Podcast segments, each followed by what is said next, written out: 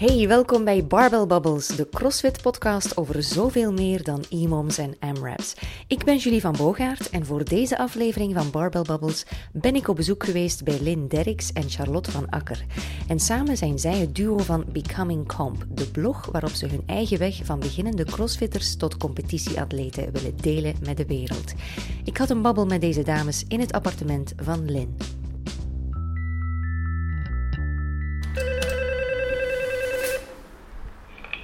Hallo? Het is Julie. Ja, op derde verdiep. Ja.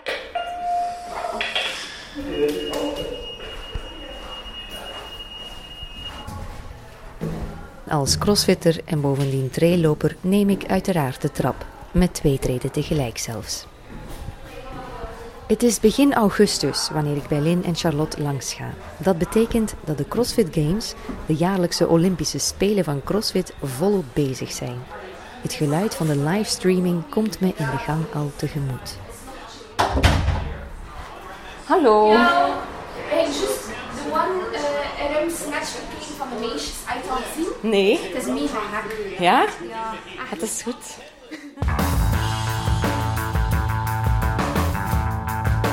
En zo zijn we vertrokken voor wat CrossFit Games kijken voordat we aan onze barbell bubble beginnen. Met live commentaar van ons natuurlijk.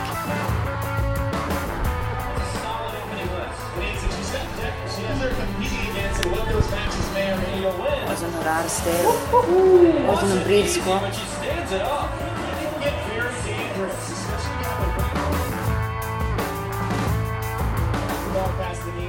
Dingen vind ik moeilijk af. Samantha Brooks. Ja. Die komen zo'n beetje arrogant over, vind ik. En dan gaan we toch eindelijk down to business voor onze barbell bubble over Becoming Comp, de blog waarmee Charlotte en Lynn enkele maanden geleden startten. Becoming Comp is eigenlijk eh, gestart als het idee ehm, om de missing link tussen CrossFit.com en dan competitietraining te zijn. Voor mensen die eigenlijk iets verder gaan dan de WOTS, maar niet per se competitietraining doen als in elke dag drie uur eh, in de box trainen. Ehm, Dus jullie zijn gepassioneerde crossfitters sinds een jaar of zo en jullie hebben ambitie om competitie te doen. een goed jaar, ehm Lien iets langer dan mij nog. Ja, een jaar en een half ongeveer. Ehm, en inderdaad het idee om competitie te doen. Ehm, maar begin ook, maar ook 2000 beseffen dat we daar totaal nog niet klaar voor zijn. Vooral dat. Ja, 2018 een beetje als richtlijn om eens mee te doen aan competitie. Maar dan moet je natuurlijk ja, inderdaad voorbereid zijn, want nu zitten Ja. we nog echt in het WOT-ritme. En dat misten wij zelf zo'n beetje. We gaan zelf frequent naar de WOTS. Ehm, en we zitten inderdaad met ons achterhoofd dat een competitie wel leuk zou zijn, omdat dat ook eh, voor ons een beetje de nodige druk geeft om ervoor te blijven gaan. Maar we merkten ook dat er meer zal nodig zijn dan de WOTS alleen om daaraan verder te bouwen. Ehm, maar de stap naar competitie leek ons dan zodanig groot dat we merkten dat er daar zowat een, een leegte is eigenlijk tussen de gewone WOTS en dan van de eerste keer de competitie. Dus jullie gaan zelf op zoek naar hoe jullie die stap kunnen zetten naar competitie. Waarom schrijf je daar een blog over? Omdat we eigenlijk... ehm, we kunnen ons inbeelden dat er nog mensen zijn die in dezelfde situatie zitten als wij zelf. Ehm, dus als wij daarmee... Als we toch dat werk doen voor onszelf en we kunnen er ondertussen ook andere mensen mee helpen, ja, graag.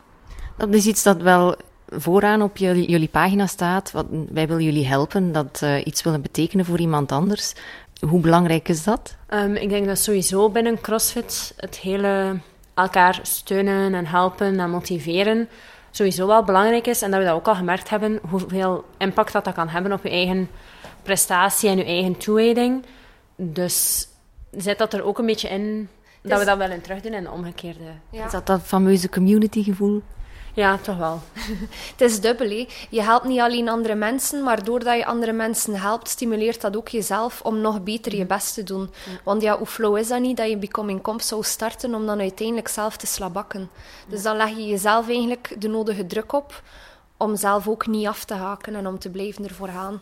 En krijg je veel positieve reacties? Veel volgers, veel mensen die een beetje ja, deel gaan uitmaken van jouw Becoming Comp community dan? Uh, ja, er zijn echt wel een paar uh, mensen ook in de box die regelmatig bezig zijn met de pull-up training bijvoorbeeld. Echt veel mensen die ook in het begin zeiden als de pagina gelanceerd was van dat echt een heel goed initiatief was en, en dat ze echt benieuwd zijn om te zien wat dat er allemaal volgt. En ook de coaches die, die dat zeker niet zien als een soort van infiltratie in, in het hele coach in de hele coachgroep, maar echt als een aanvulling en echt als een stimulans. Um, Hebben jullie met hen gepraat over jullie idee voordat jullie starten? Um, ja, we hebben wel met Dimitri um, ook daar eens over gehad. Ja. We proberen dat ook altijd goed te verwoorden, dat dat maar een aanzet is en dat dat maar een tip is en dat dat natuurlijk niet de regel of de manier is om bijvoorbeeld een pull-up te krijgen. Het is niet onze ambitie om de Bijbel van de CrossFit te gaan herschrijven of schrijven of wat dan ook. Het is gewoon onze bedoeling om van wat dat wij meemaken, om dat verhaal mee te geven en te delen. En als dat mensen kan helpen op hun weg, dan, allee, dat maakt ons dat des te gelukkiger. En dat vind ik persoonlijk wel het leuke aan jullie project. Um, ik vind persoonlijk dat er al genoeg mensen zijn die de Bijbel van CrossFit proberen te schrijven. En iedereen die zo, vooral dan, um, als, als het mij permitteert, is mannen die aan het mansplainen zijn hoe je je eerste pull-up moet krijgen, of hoe je moet squatten, hoe je dit of dat moet doen. En iedereen heeft zo gezegd de waarheid in pacht. Maar jullie gaan niet zo op jullie zeepkist staan en gaan beweren van zo moet het en dit is de manier om het te doen. Jullie geven eigenlijk ook wel toe van eigenlijk weten we het ook niet zo goed. En wij ja, zoeken onze weg door al die informatie die er is. En we vragen raad aan coaches en we zoeken online. En, en we zoeken voor onszelf wat, wat werkt. En we vertellen eerlijk hoe dat gaat voor ons. En dat vind ik wel heel verfrissend. Het is ook niet zo. Um, we hebben er ook geen schrik voor om dingen te gaan herschrijven. Want inderdaad, zoals hij zegt, wij blijven raad vragen en we staan open voor aanvulling vanuit alle mogelijke hoeken. Um, stel dat wij dan iets geschreven hebben en dat wij dan doorheen de tijd merken van ja, eigenlijk is dat toch niet ideaal of eigenlijk komt er nog een volgende fase of zou het misschien beter kunnen zijn om het zo en zo te doen. Ja, het is niet eens dat wij iets op papier zetten dat dat voor ons de holy grail is. Allee, vanaf dat er iets aanvullend bij komt of iets beter of zo, dan, uh, allee, dan verwijderen we de vorige editie en maken we er gewoon een nieuwe versie van. Dus je neemt ook mensen mee in die ontdekkingstocht een beetje, hè? Dat vind ik persoonlijk zelf het leuke eraan. Dat we, doordat, uh, doordat we de blog schrijven, doordat de mensen er ook van op de hoogte zijn, dat we ermee bezig zijn, is dat naar anderen toe precies ook een teken van... Uh, zij staan open voor tekst en uitleg en voor tips. Waardoor dat er heel veel mensen naar ons toe komen om te zeggen van ah, heb je dat al geprobeerd? Of probeer dan een keer zo of zo. En dat vind ik zelf het leukste, omdat dat zo leerrijk is. Omdat je van zoveel verschillende partijen tips krijgt. Terwijl normaal, als je gewoon de WOT volgt, ja, super.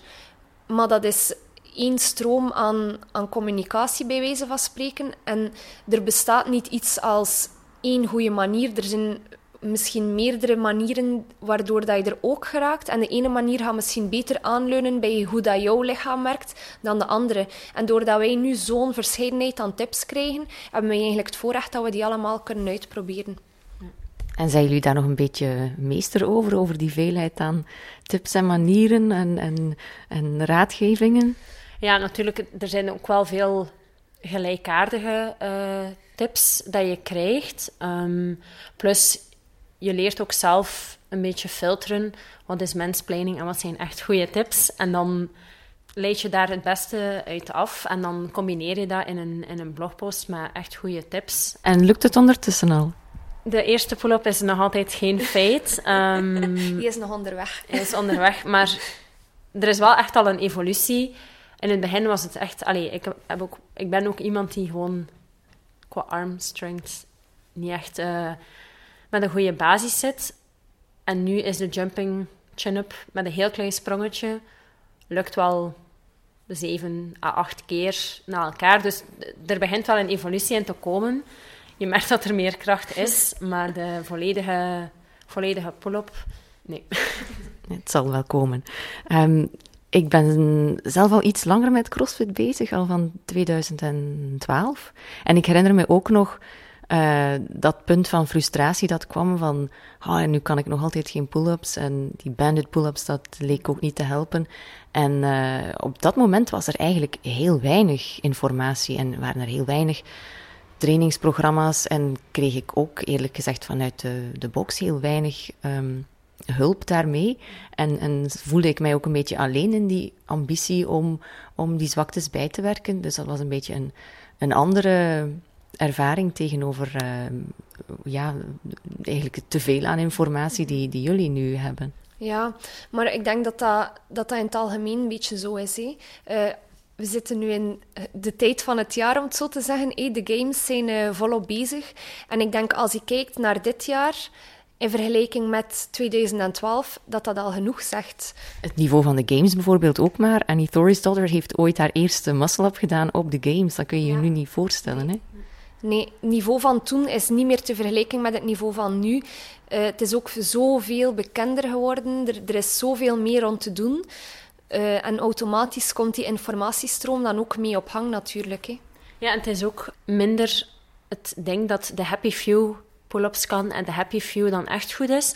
Het leeft nu veel meer van dat je dat niet moet aannemen als onvoldongen feit van ik kan geen pull-up en dat zal dan ook nooit gebeuren. Nu is het van oké, ik kan nu geen pull-up, maar er zijn manieren om dat te leren. En waarom is het zo belangrijk om dat te kunnen?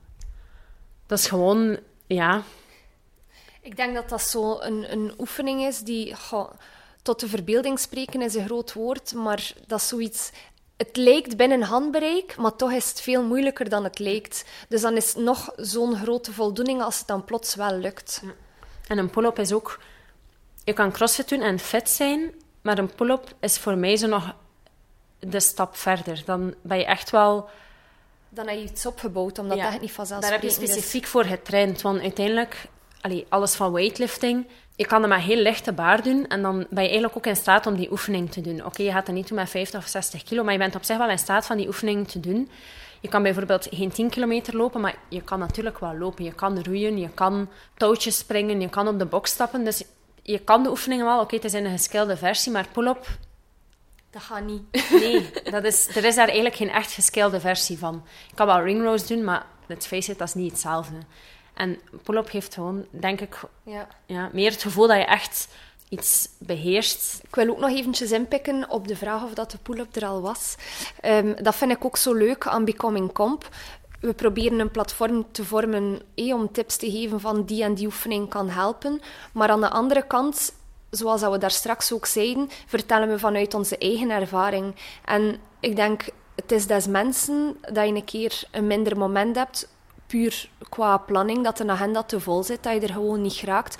Of dat je zelf een keer persoonlijk een dip hebt, waardoor dat die pull-up misschien langer zal duren dan mocht je een machine zijn die elke week standaard zoveel keer gaat gaan trainen. Maar dat is ook helemaal niet erg. Want dat is ook zo leuk dat we door Becoming Comp ook de kans krijgen om zelfs daarover een blogpost te zetten. Zoals bijvoorbeeld Charlotte, mm. in verband met haar blessure.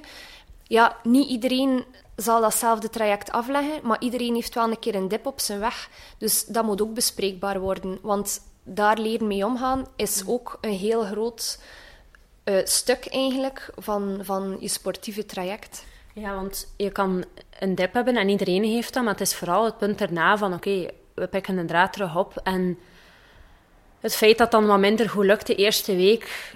Weken. Weken. is, dat is normaal en dat is ook normaal dat je dan misschien eens tegen je hoesting naar de box gaat en dat je misschien zegt van ik moet die wat hier nu doen, want ik moet echt terug in mijn ritme geraken, maar daar eigenlijk niet zoveel zin in hebben. En, dan... en tonen jullie dat ook allemaal? Ja, ik denk wel dat het... Allee, we tonen het enerzijds op de blog dat het moeilijk is, maar ik denk ook gewoon in de box zelf ben ik ook niet bang om te zeggen tegen andere mensen van...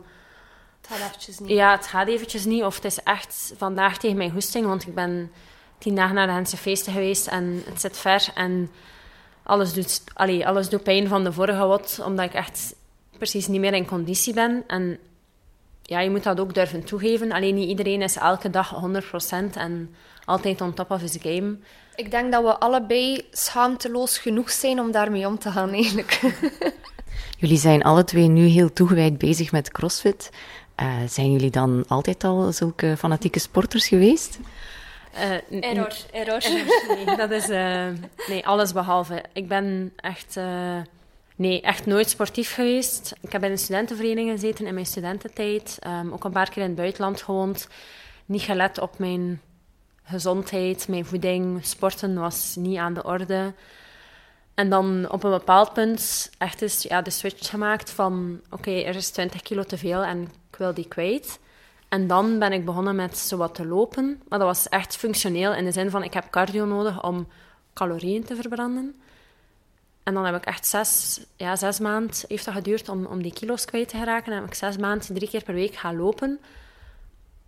Maar dat was eigenlijk niet plezant. Ik vond dat echt niet leuk. Maar dat, dat was deel van het hele dieet, dus dat gebeurde. En dan ben ik beginnen nadenken van oké, sport kan toch ook, allee, zou toch ook moeten kunnen leuk zijn. En dan heeft dat nog eventjes geduurd tegen dat ik CrossFit gevonden heb. Maar dat is echt eigenlijk de enige sport dat ik zo intensief en zo lang volhoud en met zoveel plezier. En dat het mij meer gaat om inderdaad van ik moet bewegen omdat dat gezond is, naar ik wil echt bewegen en ik wil echt op het einde van dat uur op de grond liggen en zweten op alle mogelijke plaatsen en afzien. En dat dat echt een goed gevoel heeft. En dat is echt de eerste keer in 24 jaar. Ja. ja. inderdaad. Van mij, idem. Um, als kindje heb ik altijd paard gereden. Maar dat was dan eerder onder het mom van uh, een hele dag spelen met de vriendinnetjes. Om dan plots te merken dat de mama en de papa bijna in aantocht waren. Dus dan vluchtig nog even op die pony. Uh. Mm -hmm. um, ik ben ook opgegroeid met een papa die uh, chef-kok is. Dus uh, ja, mijn voeding was um, eerder de hm, Bourgondische Vlaamse keuken. Um, ik heb ook een periode gehad dat ik elke dag een stuk taart had, want ja, die was er toch thuis, dus waarom niet? Totdat ik merkte van, oei, die bleven precies wel plakken. Dan, um, toen dat ik naar Gent kwam, was ik ja, zelfstandig op vlak van, wat haal ik in huis qua voeding? Dus dan ben ik daar wel een beetje beginnen op letten, om daar toch uh, allee, om die taartjes eraf te werken, maar nooit intense sport. En toen, toen er mij gesproken werd over CrossFit, dan dacht ik ook van, oh my god, dat is niets voor mij, dat kan ik niet aan. Um, maar zoals Charlotte meegeeft, het is de eerste keer dat, er, uh, dat een sport mij eigenlijk um, ertoe drijft om zo ver te gaan en om me daar zo voor te smijten eigenlijk, waarvan dat ik nu echt het besef heb van eigenlijk is het toch een beetje verslavend. Maar dat heb ik nog nooit gehad met alleen maar gelijk welke sport. En hoe zou je dat verklaren? Ik denk dat die community er toch wel echt voor een heel groot stuk tussen zit. Want ik zelf heb bijvoorbeeld ook een, een probleem gehad met mijn schouder, waardoor dat ik een paar weken niet naar de box kon gaan. En dan kreeg je gewoon echt berichten van, uh, ah, hoe zit het? Hey, uh, waarom kom je niet meer? Terwijl als je niet meer gaat gaan fitnessen of wat dan ook, zijn ze blij dat je je abonnement hebt betaald en dat ze het geld kunnen wegsteken? Inderdaad. Ja, ik denk dat er ook allee, dat, dat deel van dat verslavend karakter of van dat stimulerend karakter van, van CrossFit ook zit in die mentale push. Want ik ben iemand die dat persoonlijk nodig heeft. Dat is, allee, ook in mijn job, ook in, allee, in alles wat ik doe, heb ik het gevoel van oké, okay, wordt mentaal uitgedaagd. En CrossFit is Oké, eigenlijk moet je, hoef je niet na te denken bij CrossFit, want als je sport moet je er gewoon voor gaan. Maar het is ergens zo die mentale discipline en zo die mentale push van je bent eigenlijk moe en je pusht toch nog een klein beetje verder. En dat heeft zo'n positieve impact, denk ik, op de rest van je leven ook. Omdat je denkt van, als je dat kan in de crossfit, als je daar kan op toeleggen, dan kan je dat eigenlijk voor alles doen. En ik denk dat dat ook deels verslavend is. Het feit dat je beseft tot wat je zelf in staat bent. Ja. En dat elke keer opnieuw merken van... Ik dacht echt dat ik dat niet ging kunnen en ik heb dat toch gedaan. Ik denk dat dat vooral verslavend is. Alleen in mijn geval is dat echt... Ja, zeker als je een voorgeschiedenis hebt die daar volledig tegenovergesteld van staat. Moest mijn leerkracht LO van het middelbaar zien dat ik nu uit vrije wil 15 kilometer ga gaan lopen, ja, ik pees dat ze niet meer uit haar slappe lach raakt. Je hebt daar trouwens eens een, uh, een leuke anekdote over gedeeld, over uh, lopen tijdens de LO-les, hè? Ja, ik was daar niet echt bepaald de beste in. En het traject dat wij moesten afleggen, dat was zodanig opgesteld dat de mogelijkheid er dus wel degelijk was om je te verschuilen achter uh, geparkeerde auto's. Weet ik uit ervaring. Dus uh, ja, nee, ik, ik, kon, ik kon geen vijf kilometer lopen. Ik had last van mijn mild of ik dacht het. Uh, dat was mij allemaal te lastig. Um, dus ik deed dat ook gewoon niet. Dus het is echt, allee, het is zot. Het is niet dat ik begonnen ben met CrossFit als dat ik een, vo allee, een voortraject had van veel te hebben gesport. Verre van. Dus dat is nog maar een keer een bewijs dat iedereen kan doen aan CrossFit, ongeacht waar dat je start qua niveau eigenlijk. Iedereen kan starten met CrossFit, maar jullie lijken een beetje wel het gevoel te hebben, of ook die boodschap uit te dragen van alles is mogelijk en je kan alles bereiken als je er maar hard genoeg voor werkt. Dat is iets dat je in CrossFit-kringen heel veel hoort. Zijn jullie daar ook echt van overtuigd? Ja, dat is echt iets dat je... Dat is, dat is niet enkel met CrossFit, dat is gewoon in, in je leven als je zegt van ik wil die job echt doen en ik wil dat echt en ik wil alles opgeven en ik wil mijn carrière 180 graden draaien en daarvoor gaan. Als je dat wilt en je werkt daarvoor, dan gaat dat. Dat is ook weer zo'n extreem cliché. Waar wil is, is een weg, maar dat is wel echt zo. Ik dacht ook dat CrossFit, dat ik gewoon... Ik dacht echt dat ik daar fysiek de bouw niet voor had. Dat ik fysiek gewoon niet in staat was om veel te sporten. Dat is echt zo'n idee dat in, in je hoofd zit. Maar als je je daarover zet en gewoon denkt van voort, ik doe dat toch en ik ga toch naar die lessen en ik probeer toch te werken op mijn zwaktes. En dan merk je dat dat wel lukt en dat dat wel beter gaat. Ik denk gewoon dat dat um, um, in fel contrast staat met de Vlaamse bescheidenheid. Met de typische Vlaamse... allee, um, wij gaan normaal gezien onze cultuur dan gaan niet zo snel zeggen van alles is mogelijk. Uh, je wordt eerder opgevoed als blijf maar bescheiden en doe maar een beetje normaal. Um, maar terwijl door die crossfit, doordat je merkt van jezelf dat je echt wel, zonder dat je het beseft, eigenlijk grenzen verlegt, besef je ook dat er veel meer in je bereik ligt dan dat je eigenlijk ooit hebt durven denken, omdat dat niet in onze... Dat zit niet in onze cultuur om te durven dromen, eigenlijk. Ja, samen met CrossFit wordt er toch een beetje Amerikaanse ideologie meegegeven. Uh, ja, thinking big en uh, beetje iedereen die zijn eigen American Dream kan waarmaken. Maar zelfs in de VS zie je dat die American Dream toch een beetje, een beetje dood is. Denken jullie niet na over de, de grenzen aan het grenzen verleggen? Zien jullie die? Of, of ja, hoe zien jullie dat? Maar ik denk dat je moet blijven luisteren naar je lichaam, uiteraard. Dus iedereen heeft zijn zwak punt en iedereen allee, wij zelf hebben ook dingen waarvan dat we weten van ja, dat gaat misschien wel niet lukken, want hey, mijn mobiliteit in dit of dit staat het niet toe. Of als je ooit een blessure hebt opgelopen waardoor dat je echt wel gelimiteerd bent. Maar dat hou je niet tegen om niet te moeten blijven stilzitten. Er is altijd wel iets dat je kan blijven doen en er zijn altijd wel grenzen dat je kan blijven verleggen. Dus ja, ik denk niet... Ik snap inderdaad je punt.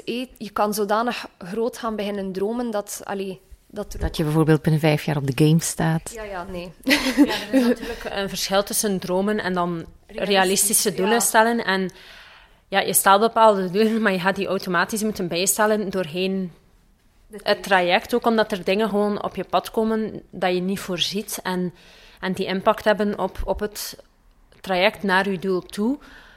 Maar een bijgesteld doel is nog altijd een doel en dat kan nog altijd evenveel voldoening geven natuurlijk.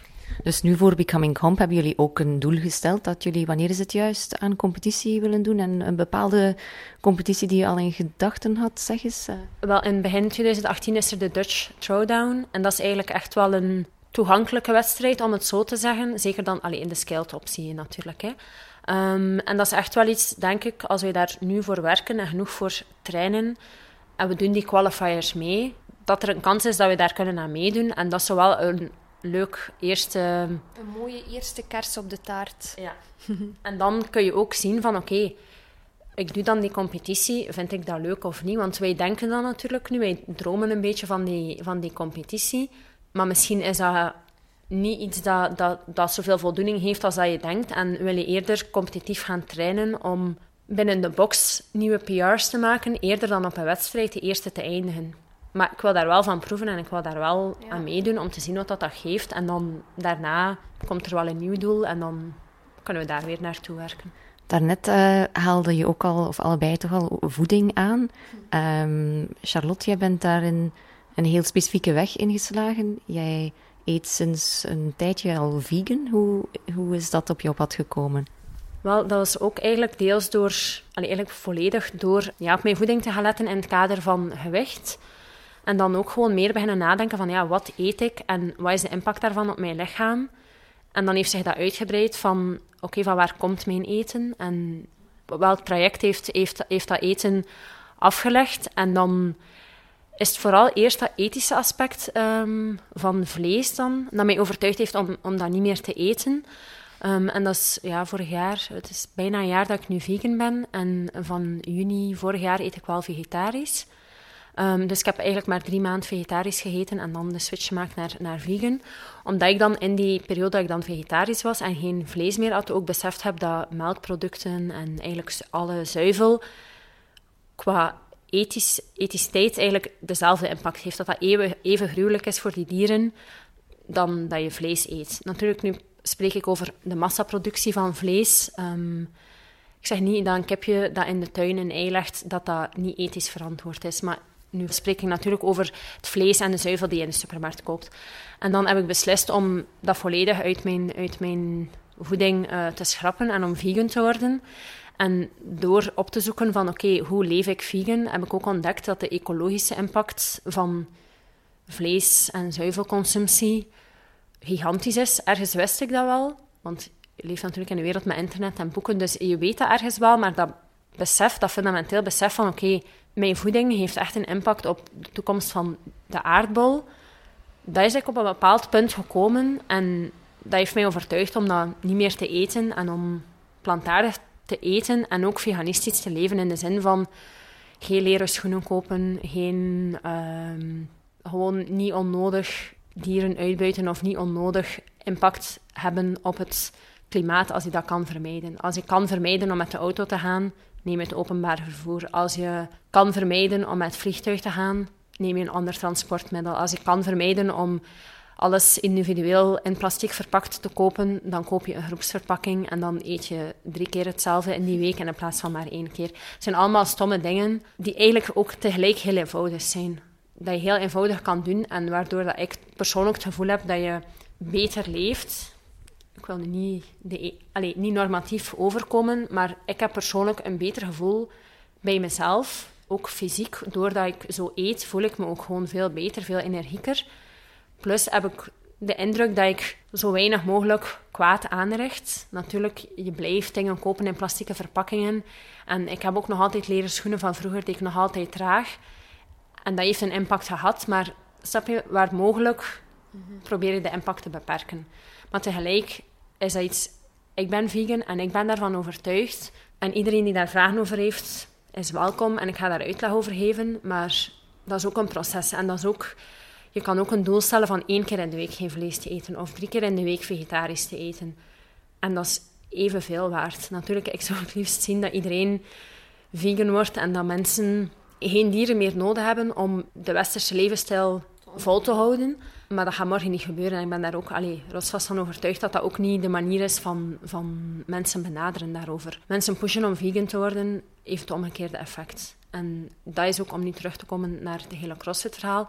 De box zit in mijn ogen vol met, vegans. En voor mij is dat een heel leuke omgeving. En het is ook leuk om te zien dat iedereen een beetje vanuit diezelfde ingesteldheid veganisme uitdraagt. Yves, Dries, Stefanie zijn heel open om daarover te babbelen. Maar tegelijk totaal niet pushy of totaal niet met het idee van wij wandelen op het verlichte pad en kom allemaal naar hier en doe allemaal mee met ons. En, en dat is wel leuk dat je daar mensen in vindt die zo gelijkgezind zijn. Ja, en die samen met jou zo op dezelfde manier dat wat proberen uit te dragen. En ook op dezelfde manier ja, daar de meerwaarde van inzien. En dat stimuleert jezelf ook om toegewijd te blijven daaraan. En om dat te blijven volhouden. Want dat is ook niet altijd eenvoudig. Want ik zeg het, de westerse wereld is gebaseerd op het gebruiken van, van dieren. Om in voeding te voorzien, om cosmetica te testen enzovoort, op heel veel verschillende manieren. Dus het is niet zo gemakkelijk om daarin als veganist te staan, maar als je daar gelijkgezinde mensen in vindt die zowel crossfit als veganisme een groot deel van hun leven hebben gemaakt, ja, dan is dat voor mij natuurlijk allee, dubbel, dubbel de max dat je dat allemaal terugvindt in, in één plaats. Het is wel een vrij opmerkelijke combinatie in een uh, omgeving waarin heel erg het paleo-dieet wordt uh, gepromoot. Hoe sta je daar tegenover dat CrossFit dat toch altijd naar voren wil schuiven? Dat is ergens wel een logisch dieet voor topsporters, omdat je eigenlijk... Uiteindelijk keert dat ook terug naar pure voeding. En dat is ergens een heel logische, ja, hele logische redenering, want je wil je lichaam enkel maar goede, pure voeding geven, die de machine die je lichaam is, zoveel mogelijk aandrijft en zo weinig mogelijk belemmert door toegevoegde suikers, toegevoegde chemische stoffen. Dus ik begrijp dat zeker, maar aan de andere kant is dat niet de enige mogelijke manier. En, en weet ik ook dat dat voortkomt uit, ja, opnieuw uit dat westerse, waarin dat consumptie van dierlijke producten de norm is, het normale is. Natuurlijk, vegan en paleo lijkt me vrij moeilijk. Veel succes. Ja, veel succes, want je moet pure eiwitten, niet bewerkte eiwitten eten, zonder, allee, eigenlijk zonder toegevoegde suiker enzovoort. Maar als je dan natuurlijk geen vlees en ook geen pulvruchten mag gaan eten, ja, dan wordt het wel heel moeilijk. Allee, dan, dan kan je enkel broccoli eten. Allee, dat is, dat, dat is misschien mogelijk voor sommige mensen, maar dat is dan ook weer van, ja, kijk in welke omgeving leef ik. Ik ben van 7 uur s morgens tot soms 9 uur s avonds weg voor het werk. In combinatie dan van rechtstreeks naar de CrossFit doorgaan. Ja, je kan een beetje eten, een beetje meal prep doen en dan een beetje meenemen. Maar ik, heb ook geen trolley vol met eten dat ik heel de dag kan, kan, mee, kan meesleuren. Dus ik eet soms wel gewoon brood met avocado. En dat is niet de meest... Dat is natuurlijk geen paleo lunch, maar ja, so be it. Het is wel het is vegan en dat is voor mij veel belangrijker dan dat paleo-matige. Natuurlijk, whole foods, whole food vegan um, leunt eigenlijk het beste aan bij dan het paleo-dieet. Dat is ook inderdaad ja, de focus op whole foods, op zuivere groenten, op ja, zonder saus, um, gewoon tofu of tempeh en geen bewerkte burger uit, uit een plastieke verpakking, uit, uit de lijst en zo. En dat is meer hoe dat ik mijzelf zie eten, maar tegelijk eet ik ook gewoon een zak chips de zaterdagavond, omdat ik daar zin in heb. Allee, dat is... Ik ben daar wel mee bezig en ik weet heel goed wat ik wel en niet kan eten als ik energiek wil blijven en als ik wil blijven sporten. Maar aan de andere kant... Ben je ook een mens en, en komen er dingen op je pad en heb je sociale... activiteiten. en, ja. Eet ik gewoon heel graag pasta en, en chips en, en drink ik graag eens een glas wijn. Dus dan is dat niet paleo en is dat niet per se whole foods, maar 90% van mijn eten is dat wel. Dus ik vind dat dat volstaat. Heb je Lynn al kunnen inspireren? Uh, inspireren wel. uh, overtuigen. Allee, nee, dat is een verkeerd woord. Laat ons zeggen dat ik het omni-dieet val. uh, ik vind dat super inspirerend, inderdaad, om um, al die vegans aan het werk te zien. het leert mij ook heel veel bij. ik leer er heel veel nieuwe dingen uit kennen, nieuwe ingrediënten, nieuwe recepten. Maar voor mij zelf persoonlijk, goh, ik zie mezelf niet direct de stap zetten naar veganisme of naar volledig paleo. Um, persoonlijk vind ik het vooral belangrijk dat ik gewoon mijn stoffen binnen heb volgens wat ik nodig heb. Eerder, ik ga eerder kijken naar mijn macro's dan dat ik kijk naar afkomst. Ik ga, ja, het gaat pijn doen aan sommige mensen hun oren, maar ja, ik eet af en toe nog een keer een goed stuk biefstuk. Um, en ik vrees dat ik dat te lekker vind om dat volledig te skippen. Maar om nu te zeggen dat ik dat elke dag eet, is ook geen waar. Pak dat ik dat ene keer om de twee, drie weken eet. Um, en het is wel zo, door omringd te zijn met mensen die wel volledig overtuigd zijn van het veganisme, waar dat ik wel de voordelen van inzie, uiteraard, um, zet mij dat er wel toe aan om ook een keer een dag bijvoorbeeld te zeggen van kijk, nu niets van vlees of nu een keer seitan proberen of wat dan ook. Of dan probeer ik mijn boodschappenlijstje een keer op te maken met het idee van doe een keer zo paleo mogelijk. maar 100% uh, eh, nee. Ik vind al die diëten die er nu bestaan en al die mogelijke levenswijzen die er nu zijn, denk ik dat het vooral belangrijk is dat je iets zoekt waar dat je zelf ook weet van jezelf dat je het kan uithouden en dat je je er goed bij voelt. En heb je zoiets van, ja, voor mij hoeft dat niet, dan hoeft dat niet. Allee, je hoeft je er zeker niet verplicht bij te voelen, want dan hou je het toch niet uit. En dan denk ik dat je achteraf uh, een boemerang terugkrijgt en dat je dubbel en dik uh, dingen gaat beginnen eten, dat je eigenlijk beter vanaf blijft. Ja, en dat is ook het ding van niet normatief willen zijn, in de zin van, oké, ik leef... Ik ben veganistisch en andere mensen zijn dat niet, maar uiteindelijk als alle mensen die mij kennen en doordat ik vegan ben, hun boodschappenlijstjes aanpassen en eens een paar dagen geen vlees eten, dat heeft voor mij veel meer impact. En ook gewoon de wereld wordt daar veel beter van dan dat één van mijn 700 kennissen vegan wordt. En al de rest elke dag vlees blijft eten. Ik zeg het, er is een ideale wereld waarin dat iedereen, ook overal ter wereld, alle natuurlijke grondstoffen heeft om elke dag fruit en groenten volonté te eten. Dat is, dat is jammer genoeg niet zo. Dus is die droomwereld van iedereen wordt vegan ook gewoon niet binnen handbereik. Jullie hebben met uh, Becoming Com veel bijval bij Belgische crossfitters, bij crossfitters van CrossFit Gent vooral. Uh, maar jullie mikken natuurlijk wel ruimer. Jullie schrijven de blog ook in het Engels. Kunnen jullie nu al inschatten van bij wie dat allemaal toekomt en wie, wie jullie volgers online zijn en um, voor wie jullie eigenlijk schrijven? Ik denk dat dat nu nog eerder beperkt is tot inderdaad uh, Belgische lezers voornamelijk. Um, maar de reden waarom dat we het in het Engels doen, is uh, omdat inderdaad als er opgezocht wordt over CrossFit, allee, het is iets internationaals.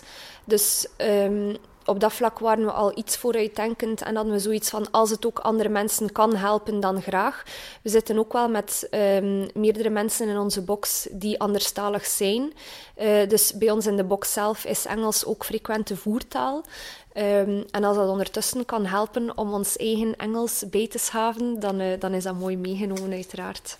Jullie eerste onderwerp was uh, die pull-up waarvoor jullie zo hard aan het werken zijn. En, ja, ook het, uh, het relaas over jouw uh, blessure, Charlotte. Waarover gaan jullie het nog zo al hebben? Um, wel, we hebben nu recent eigenlijk met David van de Box foto's gemaakt van alle fundamental um, bewegingen, dus de negen foundational movements.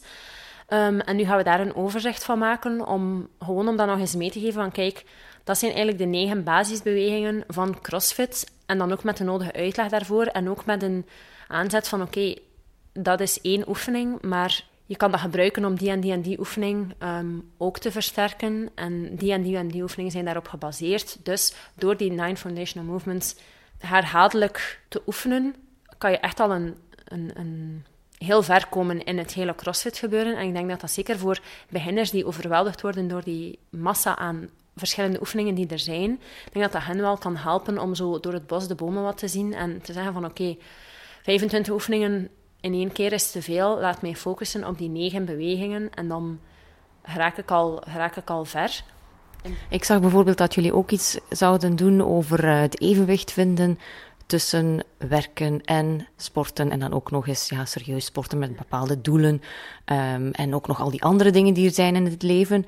Um, hebben jullie al een idee van wat, wat jullie kijk daarop zal zijn? Goh, onze kijk daarop zal vooral um, weer uit het leven gegrepen zijn. hoe dat, dat voor ons, allee, hoe dat wij daar proberen een evenwicht in te vinden. En wat dat voor ons eigenlijk zo een beetje de trucjes zijn. Om, om dat evenwicht te kunnen bewaren. Om niet volledig uh, in het rood te gaan. Dat je, allee, want ik denk dat de kunst daar uh, erin bestaat om niet het gevoel te hebben dat je wordt geleefd. Um, en dat je niet het gevoel hebt dat je nu moet naar daar gaan, nu dit moet doen. Dat je, allee, het moet leuk blijven. En... Want je moet eigenlijk toch wel heel veel doen um, binnen CrossFit. Uh, als je, dan, ja, als je dan inderdaad altijd beter wil worden, dan moet je inderdaad nog extra trainingen daarnaast doen om aan je zwaktes te werken. Je moet al zoveel tijd in meal prep uh, steken. We hadden het er net ook al over. Maar ja, er zijn maar eh, 24 uur in een dag waarvan je er acht moet werken en acht moet slapen. Dan nog, uh, dat, ik vind dat zelf ook heel erg moeilijk en daarom kijk ik wel uit naar, naar jullie post daarover. Wel, maar ik denk op dat vlak inderdaad dat er zo wel wat trucjes zijn. Bijvoorbeeld dan voor de meal prep. Um, ik zelf kook één à twee keer per week, maar dan doe ik dat in grote hoeveelheden, dat ik daar voor de rest van de week mijn tijd niet meer hoef in te steken. Um, en zo zijn er nog wel enkele handige dingen eigenlijk, waardoor dat je je tijd nog productiever kan, kan gaan spenderen. Ja, en tegelijk denk ik dat onze kijk daarop ook is van alles te relativeren en dat je inderdaad maar zoveel kan doen in een dag als je effectief ja, als er is, als jonge mens in, in, in een job terechtkomt, natuurlijk in het begin is dat alles geven en daar zoveel mogelijk proberen voor te gaan, waardoor dat, dat zelfs iets meer wordt dan acht uur per dag soms. En dat dat je ook echt uitput om acht uur je volledig te geven en volledig probeert je job 100% goed te doen. En als je dan s'avonds zoiets hebt van, ik heb niet gemealprept dit weekend en ik heb zin in een pizza.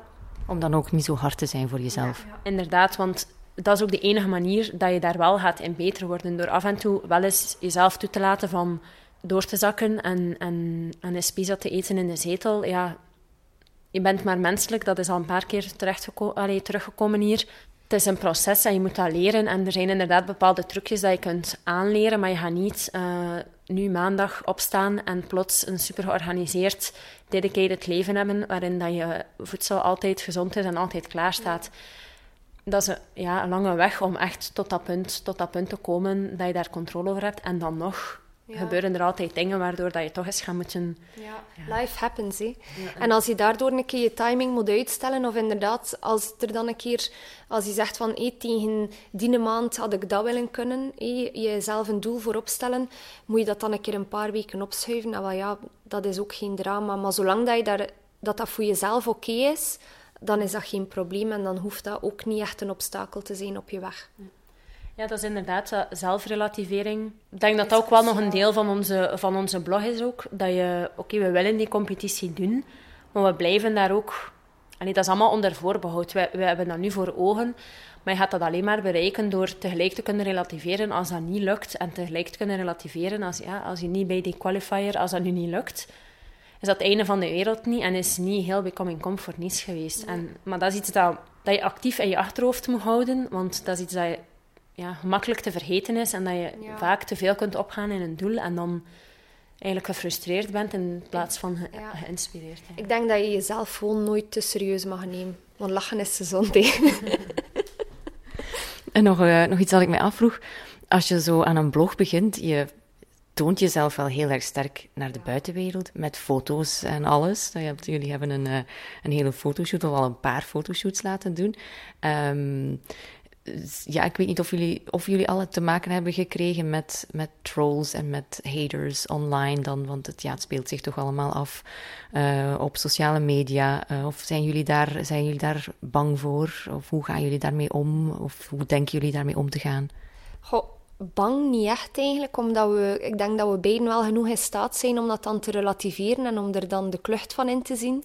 Uh, het was wel spannend, uiteraard. Een keer dat je dat zo net uh, op, op internet smijt, dat je zo, ja, inderdaad, ja, je staat daar wel. Uh, je weet uiteraard nooit wat de reacties gaan zijn. Maar ik denk tot nu toe, mochten de haters er zijn, dat dat achter onze rug is. Want ik zelf heb er nog geen, allee, heb er nog geen last van gehad, eigenlijk. Nee, eigenlijk is zo... De haters, dat is een grappig woord, maar zo de kritiek dat ik al gekregen heb, is meer, was eigenlijk meer voor Becoming maar was meer als zin van crossfit waarom doe je dat? En vrouwen die veel gewicht heffen, zien er mannelijk uit. Maar dat is echt iets... Daar ben ik wel van verschoten hoeveel mensen dat echt denken en die ook het lef hebben eigenlijk om dat te zeggen. Want ik zou nooit naar iemand stappen en, en zeggen van... Maar je ziet er te gespierd uit. Allee, dat, kan, dat zou nooit in mij opkomen. Maar dat is toch iets dat... Ja, ik las gisteren nog een, een uh, artikel online over uh, dat soort van, van haatcommentaren of lelijke commentaren op uh, trailvrouwen. Ook over, over hun uiterlijk of over uh, ja, als ze te, mager zijn of te dik zijn of uh, te veel geschminkt of te lelijk. Of je, zeker als vrouw sta je daar toch heel sterk aan bloot, omdat je toch nog altijd heel erg afgerekend wordt op hoe je eruit ziet. Dat is wel, ik denk dat dat de grappigste opmerking is dat ik tot nu toe al heb gekregen. Ja, uh, niet overdrijven, nee, dat je zo niet super breed wordt. Maar van jou valt het wel mee. Je, bent gelijk, allee, je wordt gelijk mooi gespierd zo. Ja. Mijn eigen moeder heeft ook nog gezegd: Je mocht wel zo geen gerommeke worden, hè? ja, ja, mijn papa is ook. Allee, beide van mijn ouders eigenlijk zitten er ook mee in dat ik uh, te veel spieren zou krijgen. En dan denk ik: Ja, kom, we weten er anders uh, nog uh, drie pannenkoeken op en drink nog een paar pinten. Hey, we gaan er ons dan beter bij voelen. Allee, ik vind dat gewoon jammer dat mensen zich daarop focussen in plaats dan dat ze blij zijn voor je, dat je, dat je zo productief bent, dat je zo actief bent, dat je, dat je eigenlijk werkt aan je gezondheid. Want uiteindelijk, um, ik heb onlangs nog een artikel gelezen, het enige wat dat ons op latere leeftijd uit het rusthuis haalt, is onze kracht. Dus uh, iedereen die niet sport, alleen veel succes, maar... Uh, we zullen wel eens zien als we 80 zijn. Voordat we die mensen dan af en toe een bezoekje gaan brengen. ja, nee, maar het is inderdaad dat body shaming. Wij krijgen dat nu in de zin van je wordt te gespierd of je sport te veel of, of dit of dat. Maar ook in de omgekeerde richting, mensen die te zwaar zijn of mensen die te mager zijn. Ja, dat is, eigenlijk is dat verschrikkelijk dat dat zo aanvaard is om daar kritiek op te hebben. En je betrapt jezelf daar ook op. Als je echt iemand ziet lopen die echt morbide obese is, spring je heel snel tot de conclusie van die persoon is ongezond en die persoon doet er niets aan. Terwijl dat die misschien ook heel hard aan het werken is om, om wel gezonder te leven en om wel kilo's te verliezen. Maar dat is, dat is zo ingebakken om zo snel tot conclusies te springen. En sociale media is daar natuurlijk nog een stimulans van, omdat je, je ziet maar één snapshot van, snapshot van het leven van iemand anders. En je baseert je op uiteindelijk ook een beeld dat die andere wel wilt uitdragen. En ook op een bepaald beeld dat je van hen verwacht. En dan heb je daar direct een conclusie over. En je moet echt wel... Allee, ik probeer dat zelf echt zo weinig mogelijk te doen. Er bewust van ja, te er worden, bewust ja. van te zijn dat je dat wel doet. En dat dat eigenlijk niet oké is. En ik denk dat door daar, doordat we daar zelf allee, actief mee bezig zijn van het hele judgmental aspect achterwege te laten, dat we daardoor ook wel ja, de klucht inzien van eventuele haat of negatieve commentaren dat we krijgen of zouden krijgen. We hebben ook al eens een, een bericht gekregen op onze Instagram-pagina, ook kritiek over allee, onze blog over de blessure, dat ik dat zo gezegd zou te veel relativeren en dat ik dat te veel onderschat. Nu, het was ook ergens een beetje een misverstand, maar ja, je blijft daar rustig onder en je antwoordt gewoon eerlijk en je geeft een uitleg zonder dat je jezelf gaat verdedigen en zonder dat je een aanval valt, want dat werkt toch niet. En dan, eens dat je dat beantwoord hebt, laat je het ook voor wat dat is. En dan, plus, we, we zeggen eigenlijk op voorhand al van het is een persoonlijke ervaring. Dus dat is ook vaak mijn antwoord als mensen daar vragen over stellen van oké, ja, dat is onze opinie, maar dat, hoeft, dat is niet de, algemene waarheid en, en de bijbel van, van CrossFit dat wij aan het schrijven zijn. Dus Ik hoop dat jullie nog verder eh, gespaard mogen blijven van alle trolls en haters.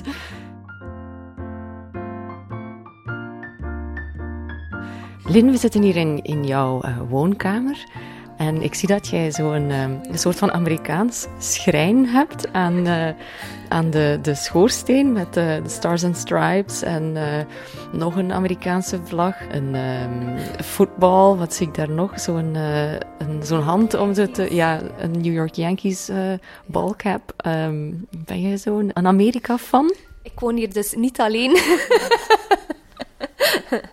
Woont er bij jou een Amerika-fan? Er woont bij mij misschien wel een Amerika van. nee, eh, die, die, pet is wel, die pet aan die hand is wel, eh, is wel van mij. Maar eh, de rest van het ehm tafereel is van de Amerika van. Het is, is zo... ehm, ja, crossfit en alles wat daarbij hoort. You can get it if you work hard for it. Is dat, is dat ook iets dat, dat dit hier, ehm, dat schrijn hier belichaamt? Ik ben wel pro hun manier van denken op sommige vlakken. Ehm, dat ze durven dromen en dat ze... Allee, als hier in België een faillissement hebt, ja, dan lachen de mensen je uit, bij wijze van spreken. Heb je in Amerika een faillissement, dan zeggen ze proficiat. Van proficiat, je hebt het toch geprobeerd. Good on you. Eén, nog een keer. Derde keer goede keer, bij wijze van spreken. Ehm, maar zoals dat we het daar straks ook hadden, over dat ze misschien te veel dromen. Ik denk, hun durf om te dromen in combinatie met ons gezond boerenverstand, dat dat misschien wel een goed evenwicht zou kunnen zijn, ja. Vind ik wel een mooie noot om op af te sluiten. Dank jullie wel, dames, voor het fijne gesprek.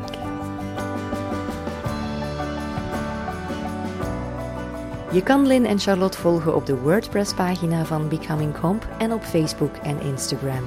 Barbell Bubbles zit ook op Facebook en Instagram, dus volg die handel. En vergeet ook niet om een beoordeling van Barbell Bubbles achter te laten op iTunes of in je podcast-app. Dat helpt anderen de podcast te ontdekken. En dan is er nog dit. Lasse. Welkom in Nest Gent. Hier gaat het gebeuren. De allerbeste Vlaamse podcast en misschien ook wel deze live op het podium. Op 2 december is dat en gelukkig is het geluid hier eigenlijk ook wel goed. Bijvoorbeeld hier klinkt alles heel verzorgd en heel proper. Cool hè? Je zal hier bestaande en nieuwe podcasts kunnen ontdekken, dus het is zeker de moeite om eens langs te komen. Alle info vind je op onze website podcastfestival.be en dan zie ik jou graag op 2 december in Nest Gent. Graag tot dan! Ook ik zal van de partij zijn op het podcastfestival met mijn andere podcast, Geheugenissen, en met Barbell Bubbles in een soort van driedubbele crossover met nog een andere bekende podcast. Meer hierover later. Ik ben Julie van Boogaard, bedankt dat je luisterde.